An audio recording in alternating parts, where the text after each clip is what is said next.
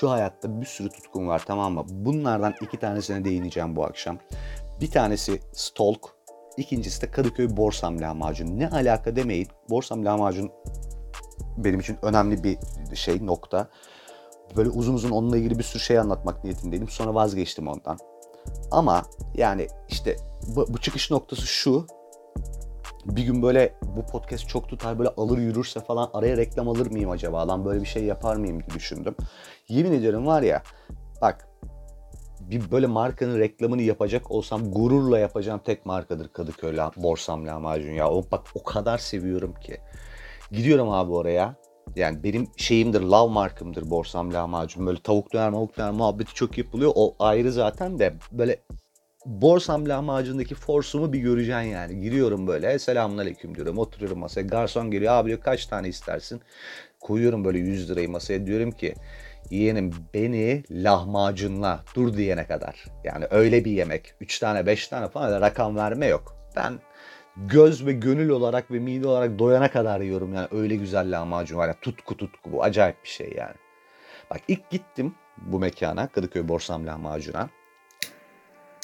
Önceden böyle önünden falan geçiyordum. Bakıyordum böyle lahmacunların tipleri çok güzel görünüyor. Böyle masada sadece mesela garnitür olarak maydanoz ve limon var ki benim için kritiktir bu. Öyle lahmacuna böyle Ali dayının bostanını dolduran mekanlarda genelde lahmacun tırt çıkıyor. Yani lahmacuna eğer çok fazla garnitür geliyorsa kriteri söylüyorum size. Çok fazla garnitür geliyorsa lahmacun yanında işte marul, domates, o bu falan. Anla ki lahmacun tırt. Yani onlarla böyle baskılamak istiyor. İkinci püf noktam yemeklerle alakalı hiç şaşmaz. Bunun tek bir istisnası var. Neresi olduğunu söylemeyeceğim oranın. Dönerin yanında kızarmış patates geliyorsa döner tırt abi. Yani anla ki dönerde hayır yok patatesle matatesle seni eylemeye çalışıyor. İki net kriter asla şaşmaz. Dönerde bir tek bir tane mekan var. Patates kızartması getiriyor ve gerçekten döner çok iyi. Başka da hiç daha ben bugüne kadar o patates kızartmasının yaverlik ettiği dönerden bir hayır geldiğini kimseye görmedim. Neyse abi bu, bu mekanı kesiyorum ben böyle lahmacunlar falan çok güzel görünüyor. Bir gün girdim. Selamun aleyküm. Aleyküm selam. Dedim ki bana iki tane acılı lahmacun yap abi. Pişkin olsun dedim. Tamam mı? Bak. Şeyi verdim. Talimatı verdim. Tamam dedi. Aldı siparişi. Oturdum ama ki içimden diyorum ki kesin siklemeyecek bu beni. Yani o pişkin yani dünyasında bir karşılığı yok. Standart ne lahmacun hani acılı bile gelmeyecek belki o lahmacun. Bana getirecek pul biberi kendin koy diyecek falan. Hani böyle şeyler geçiyor kafama. Çünkü hani böyle vardır ya bazı mekanlar şey sipariş siparişi alır böyle detaylı detaylı ama kafasına göre getirir. Yani ne istersen iste hiç siklemeyen restoran. Hani standardı neyse onu getiriyor. O tarz bir yer zannediyorum onu. Böyle bak bu tarz bir de şey vardır bu arada. Hani restoranın haricinde bir de bunu yapan berberler var abi. Kadın erkek hiç fark etmiyor. Berberlerin huyudur bu. Yani sabahlara kadar mesela tarif et ona istediğim modeli. Fotoğraf gösterdi ki ben bunu istiyorum. Gün sonunda o tıraş biter. Sen o berberin kafasında artık idealize ettiği imaj neyse ona kavuşur çıkarsın. Onu sevmek zorunda kalırsın. Yani ben bir berberin daha henüz talebe doğrudan cevap verdiğini hiç görmedim. Kafasındaki neyse o. O sana yakışanı biliyor. Sen bok yeme ver parasını arkana yazsa. Bunların mantık bu. Genel olarak berberlerde de böyle bir tutum var. Yani enteresan bir şekilde. Neyse lan ne diyordum işte. Ha şey konudan koptuk anasını satayım. Ha, lahmacunu işte şey yaptım sipariş verdim oturdum hep kafamda da hep şey geçiyor. Yani pişkin dedim ve siklemeyecek beni. Pişkin gelmeyecek o lahmacun falan. Abi 5 dakika sonra lahmacun geldi. Bak adam lahmacunu koydu önüme. 1 gram mübalağa ediyorsam şerefsizim yavaşça böyle yüzüme doğru eğiliyor tamam mı lahmacunu koyarken. Böyle hani burun uçlarımız birbirine değecek herifle. Eğildi eğildi. Gözlerini böyle gözlerinden ayırmıyor. Adam şöyle yaptı. Al abi dedi. Çıtır çıtır. Pis gibi gibi. Dedim ki dayı kes sesini ve öp beni şu an şapşal herif seni. Ne yapıyorsun yani? Abi o nasıl bir çıtır çıtır demek, nasıl bir pis gibi demek. Sırılsıklam oldum, sıçtı ağzıma yani hayvan aklımı aldı benim. Böyle bir bak Dedim ki bunlar abi lahmacuna tutkuyla bağlı. Yani bu lahmacunu sevmek, işini sevmek falan ama tutkulu yani bu adam sapık. O günden sonra zaten bak bilsem ki abi Kadıköy Borsam lahmacunun böyle ustaları lahmacun alıp böyle hamurlarını sikine taşıyan sürüp ondan sonra yapıyor lahmacunu. Yine hiç gocunmadan yerim ya. Öyle bir tutkunuyum ben de mekan. Şu karantina bitse de hakikaten bir gidip yesem nasıl canım çekiyor ya. Böyle hatta bir akşam böyle şey lahmacun zirvesi yapalım hep beraber. Böyle o muhteşem lahmacun herkes yesin istiyorum yani. Bedava reklam yaptım şu an inanılmaz bir şekilde. Herkesin umarım ağzı sulanmıştır ve Borsam lahmacun bunu hissetmiştir. Bir Borsam lahmacun var. Bir de şeyde Osman Bey'de böyle mahalle lokantası var. Oranın lahmacunu iyi. Böyle ikisinden birinde hakikaten bir lahmacun zirvesi yapalım. Var vakit bol yani düşünelim karar veririz. o zamana kadar bir kitle de oluşur muhtemelen diye tahmin ediyorum.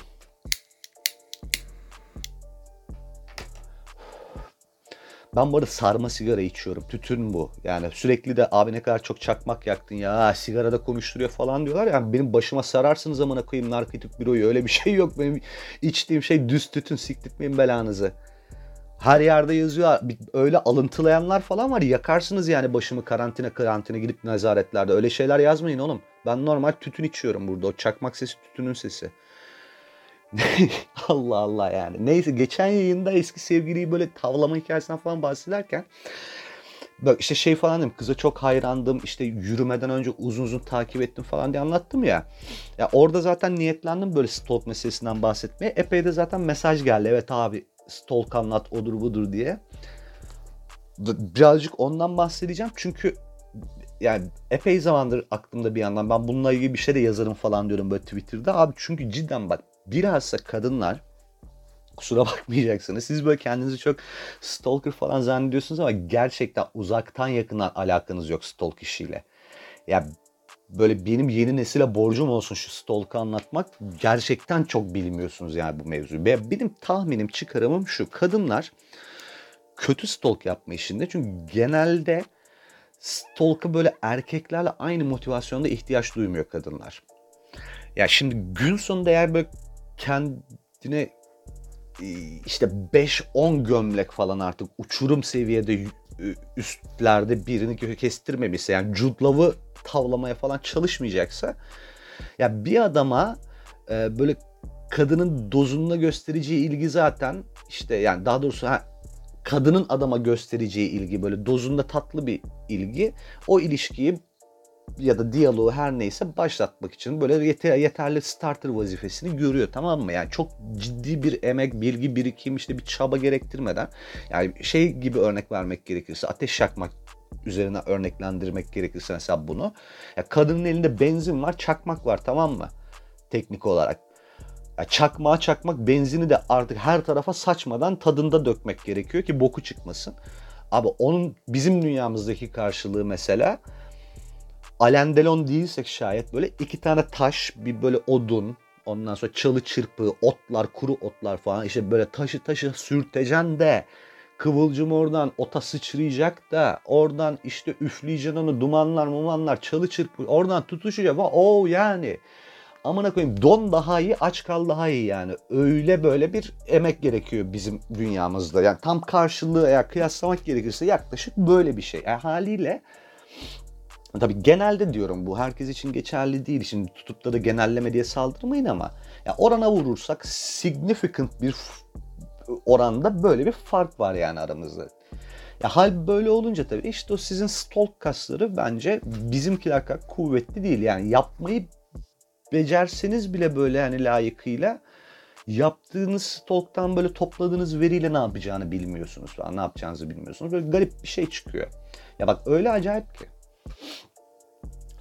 Mesela DM geliyor bana kızın tekinden. Kız diyor ki işte yani benim çok fazla takipçim olduğu için haliyle çok fazla haliyle çok fazla DM geliyor ve çok farklı farklı insanları gözlemleme şansım oluyor. Yani ben bir kişiden hareketli söylemiyorum ben. DM geliyor dediğim zaman tek bir DM üstünden konuşmuş değilim. Yanlış anlamayın sakın onu. Ya bu minimum 50 kere falan olmuştur. Kız diyor ki mesela senelerdir seni takip ediyorum diyor. Ya çok güzel, teşekkür ederim falan.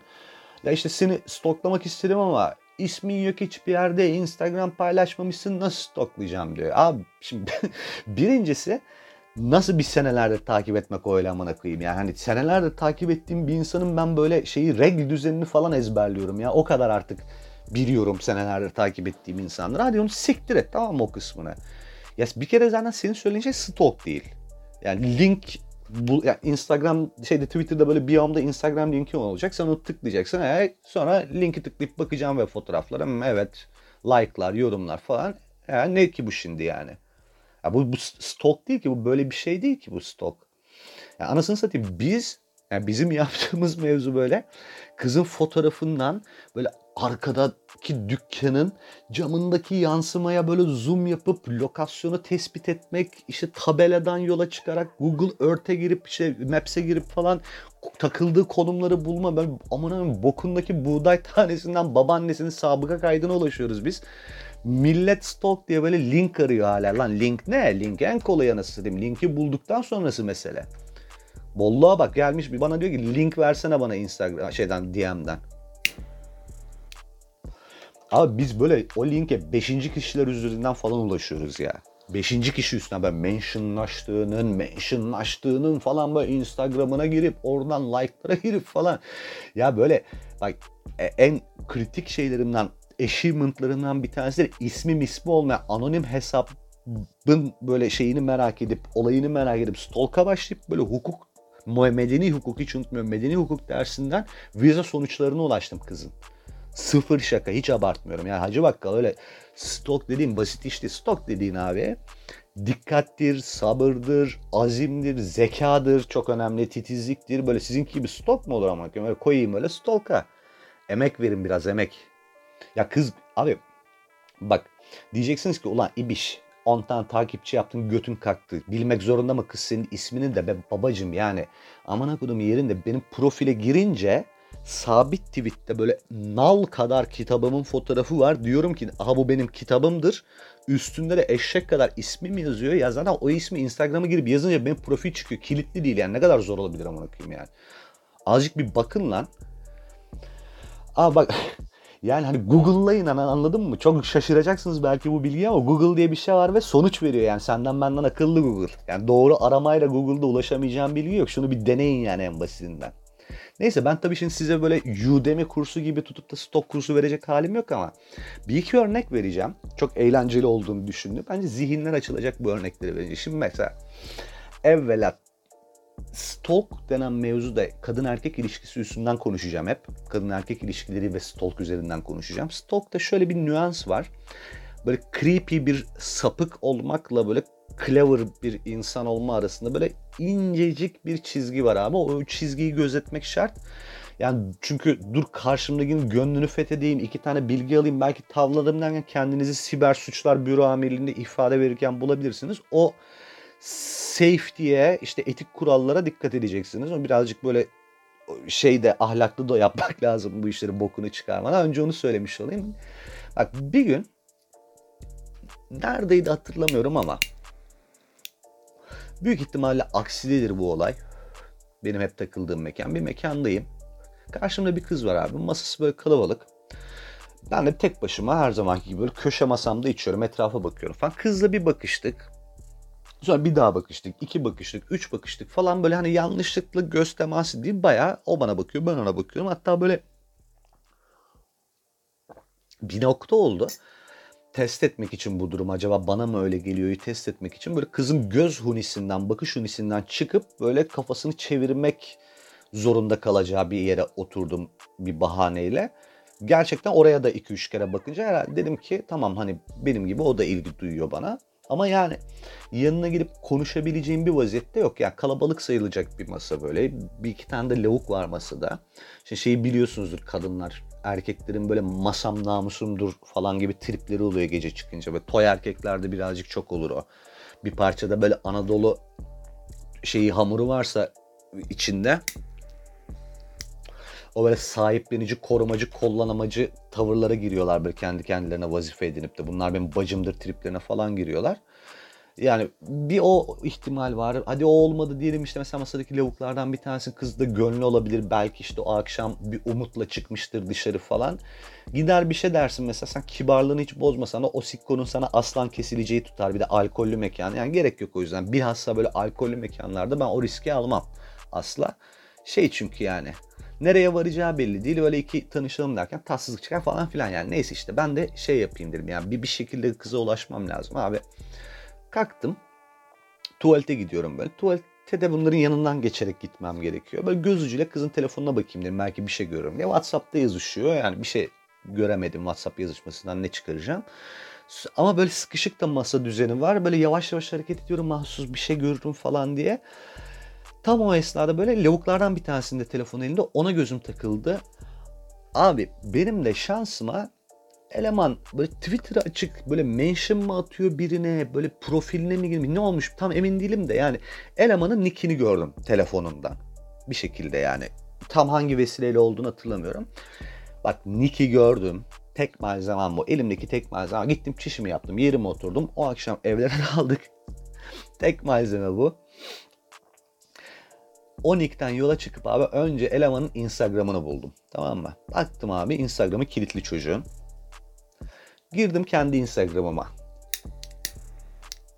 Macera burada başlıyor. Girdim kendi Instagram'ıma. Instagram'daki adımı değiştirdim. Kadın ismi yaptım.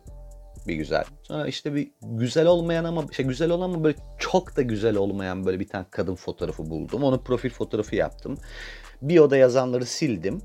İşte çiçek böcek bir şey koydum böyle. Instagram'ımı kilitledim. Sonra da Leva Instagram'a takip isteği attım. Tamam mı? Direkt kabul etti tabii böyle kadından gelince takip isteği. Ondan sonra abi girdim bunun arkadaş listesine, takip ettiklerine. Tek tek baktım baktım baktım. Kızı buldum. Çocuğu blokladım. Profilimi tekrardan eski haline getirdim. Girdim kızın profiline. Baktım şansıma o profil açık. Mekandan da abi story paylaşmış kız tamam mı? Tabi bu kadar uğraşmadan önce şeye baktım. Mekan etiketiyle paylaşılmış e, storylere falan baktım işte konum etiketiyle paylaşılmış. Onların içerisinde yok. Kız böyle etiketsiz paylaşmış şeyi. Story'yi. Neyse bunun story, me- mekandan paylaştığı storiesine bir tane biro emojisi attım. Kendi story'imden de mekanda böyle kadrajda onun olduğu ama böyle onun flu olduğu falan bir tane story paylaştım. Arkama yaslandım ondan sonra. Kız da işte girdi mesaja. Mesajı gördü. Profilime girdi. Tanıdı. Haliyle böyle oha o çocuk oldu. Orada sessizlik başlıyor. Muhtemelen o hemen o, o yaşanan sessizlik esnasında yaşananlar şey WhatsApp grubuna girmesi, kankaların olduğu, olayın anlatılması, işte hep beraber şaşırılması falan. Nitekim işte o, o muhabbet dönüyor. Ben bir 10 dakika daha bekledikten sonra kıza hemen bir mesaj da attım. Kendimi tanıttım ve neden mesaj attığımı belirttim. Sonrasında zaten olaylar gelişti. Bak buradaki nüans nedir? Bir, ben piçim değil şaka. Öncelikle nüans şu abi. Sır gibi böyle mekanda x birine yapmadım bunu tabii yani. ilgilendiğim ve ilgi gördüğümü düşündüğüm, neredeyse emin olduğum kıza yaptım bunu. Şimdi sonrasında kız bana mesela oha yani nasıl buldun diye sorunca nasıl bulduğumu hiç kıvırmadan anlattım. Yani önce özrümü diledim kibarca. Ee, neden gidip direkt konuşmadığımı izah ettim. Sonra süreci anlattım. Haliyle devamında da mutlu son oldu. Çünkü ne oldu? Birincisi çok net bir şey mesajı verdim. Ben kafası çalışan bir insanım abi mesajı verdim. İkincisi böyle yaptığım hareket aslında özgüvensiz gibi görünen bir hareketti. Ben o özgüvensizmiş gibi duran hareketi düşünceli ve zarif adam ambalajına soktum. Yani nedir o işte? Hani sen orada arkadaşlarınla oturuyordun işte gelip konuşsam rahatsızlık verebilirdim. Belki işte muhabbetinizi bozardım. Belki sen terslemeyecekken sırf arkadaşlarım vardı tersleyecektim falan filan. İşte bir sürü şey demin anlattığım şeyleri falan anlattım. Böyle paketleyince şık durduk o benim o mekanda konuşamayışım ve bunun yerine mesaj atışım. Sonra ne kazandırdı mesela bu bana? Çaba sarf ettim kıza ulaşmak için. Yani sığırlık yapmana emek verdim. Bak bu tabiat kanunu gibi bir şeydir. İtiraz eden yok ya öyle değil diyen varsa bana mesajla ulaşsın ama zannetmiyorum olacağını. Kim olursa olsun bir insan kendisi için şu kadar emek sarf edilmesinden mutlu olur. Nihayetinde işte e, tamam hani riskli bir şeydi ama risk yaptım, şey, risk aldım ve işte meyvesini de yedim bu olayın. Ama tabii bu şey yani bu bahsettiğim çok bir anlık bir geyik yani bu. Bir yere gitsin aman işte bu bir aşka dönüşsün falan diye yapmadım bunu. Öyle beğenmiştim o da beğenmişti. Bakayım olacak mı diye denedim ve oldu falan filan neyse. Şimdi bu anlattığım bir de makro olanı var. Şimdi mesela ben meslek olarak bilmeyenler vardır muhakkak. Ben reklamcıyım tamam mı? Biz reklamcı olarak yaptığımız şey işte biz, bir sürü farklı farklı dalı var bilmem nesi var ama özetle markaların işte satışlarını arttırmak, bilmemlerini arttırmak adına yaptıkları kampanyaları bilmemleri biz kurguluyoruz. Fikirlerini buluyoruz, işte tasarımlarını yapıyoruz, metinlerini yazıyoruz falan. Ben de işte o fikirleri bulan ekipte çalışıyorum tamam mı? bir markayla sen çalışıyorken zaten bunu hizmet olarak veriyorsun. Bir de bir markayla çalışmak adına yani o markayı tavlamak adına tırnak içerisinde böyle bir ihale sürecine benzer bir süreç var. O ihale sürecinde sen parayla ilgili bir teklif vermek yerine bir de ne kadar zeki ve ne kadar işte e, o marka için değer yaratabilecek bir ajans olduğunu gösterdiğin bir süreç bu. Hale gidiyorsun işte fikirlerin, mikirlerin bunun sunumunu yapıyorsun insanlara. İnsanlara kendini satıyorsun aslına bakarsan bir parça. Ben abi her zaman hayatım boyunca mesela böyle bir sunuma gidip de bütçesel bir etken yoksa alamadığım bir marka neredeyse hiç olmadı. Ve işin sırrı da şu benim açımdan. Tamam fikirler mikirler güzel zaten üstüme düşeni yapıyorum ama tek bunu yapan ben değilim. Benim gibi bir sürü başka reklam ajansı da yine çok zekice şeylerle gidiyor insanlara. Ama ben şurada fark yaratıyorum. Ben abi toplantıya gitmeden önce hani bu randevulaşma aşamasında mailleşiliyor ya o mailde ismi cismi yazan insanların her birini ölene kadar böyle stalkluyorum. Çoluğu çocuğu var mı?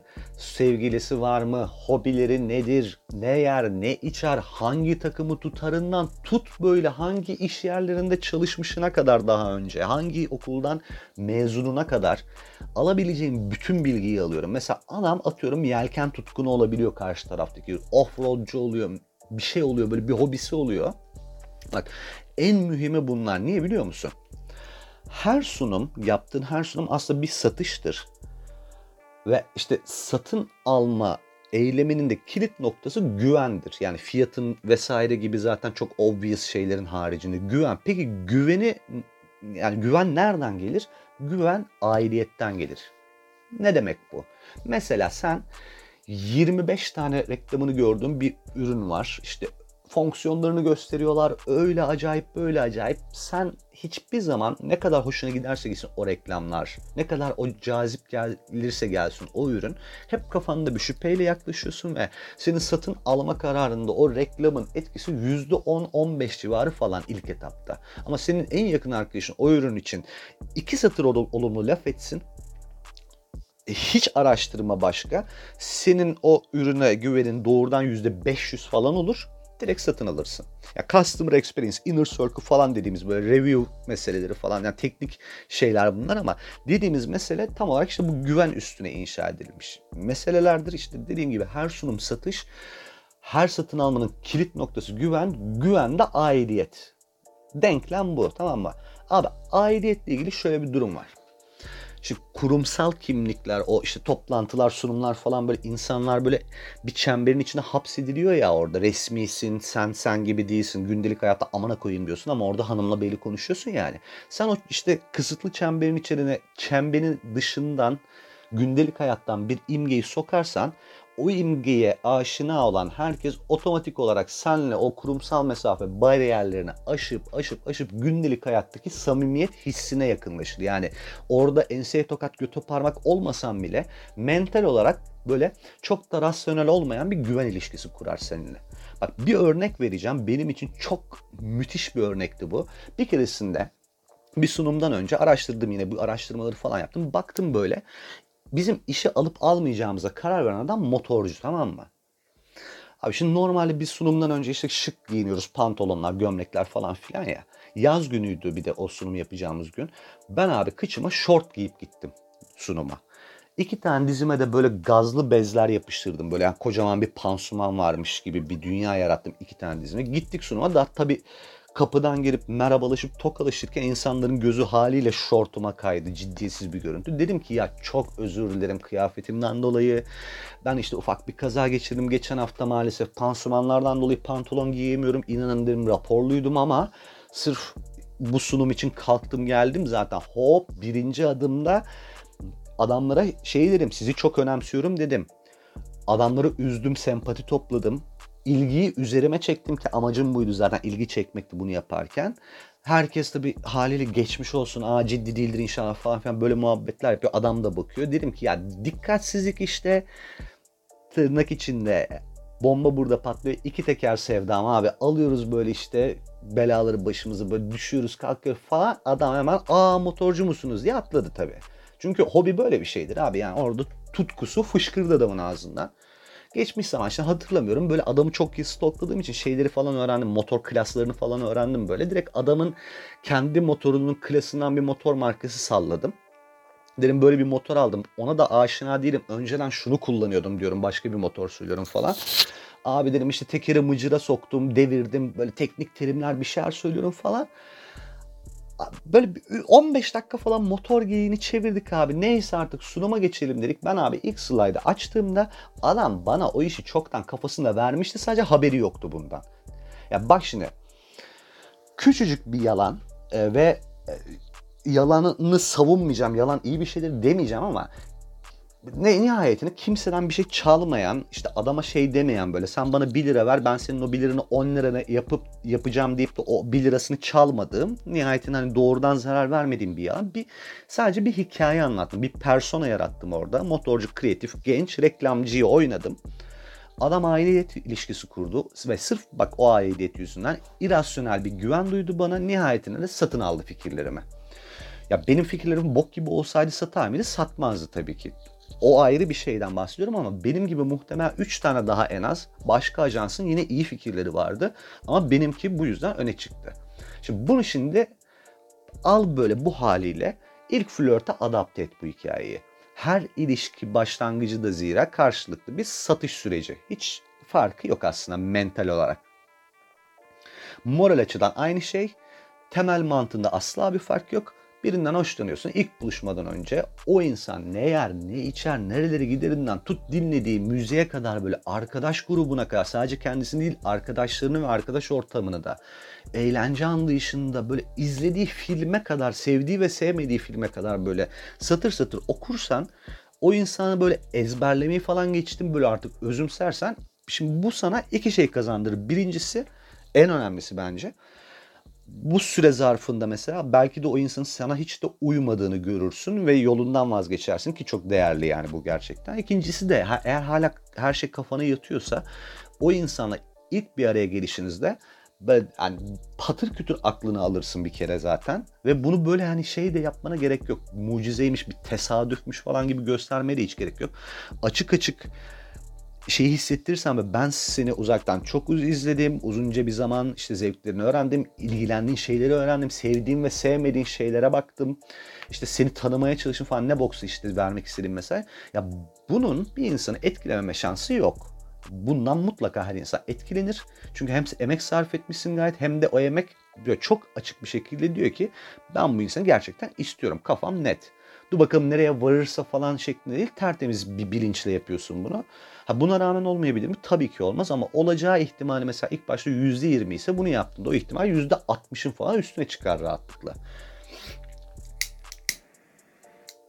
En azından yani bugüne kadar benim bunu yapıp da mesela sonuç alamadığım, kazanamadığım böyle maç olmadı. İlla ki bir iki gol attık. Yani stok dediğim gibi mühim.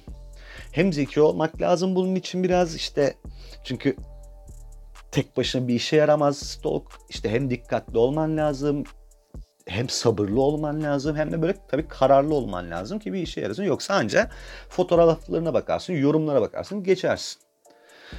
Böyleyken böyle.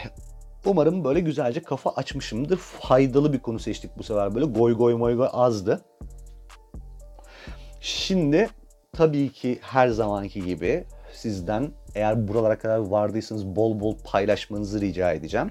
Bir de size ev ödevi Hala eğer mesela benim muhtemelen çok fazla vardır. Instagram'ımı bilmeyen varsa içinizde hemen stalklasın beni. O kadar öğrettik böyle. Bakalım iş üstünde bir görelim öğrendiklerinizi nasıl uyguluyorsunuz. Stalklayarak bana ulaşanlar falan mesaj atırsa, atarsa sevinirim. Herkes paylaşırsa çok sevinirim eğer memnun kaldıysanız. Ne diyoruz? İşte evde kalın, hoşça kalın, müebbet karantina 行って。